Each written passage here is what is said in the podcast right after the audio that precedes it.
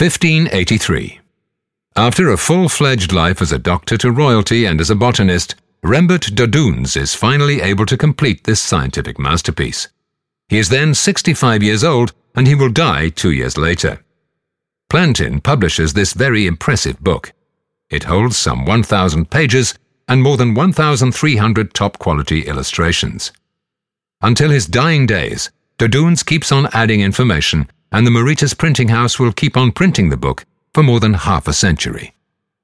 For the illustrations of plants and herbs, Plantin recycles woodblocks. Still, such books remain a very expensive affair, even more so when coloured illustrations are used. They are done by hand, mind you. Plantin commissions the very best artists to make the illustrations. And it pays off. The books are extremely expensive, but their Antwerp publisher manages to turn his high quality books on plants and herbs from all over the world into international hypes. In this room, you can meet two more eminent botanists, Carolus Clusius and Matthias Lobelius. They are also doctors of medicine, like their colleague Dodoens.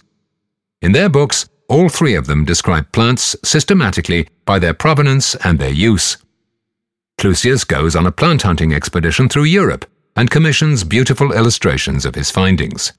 Lobelius, in his turn, refines the subdivision and the classification of plants.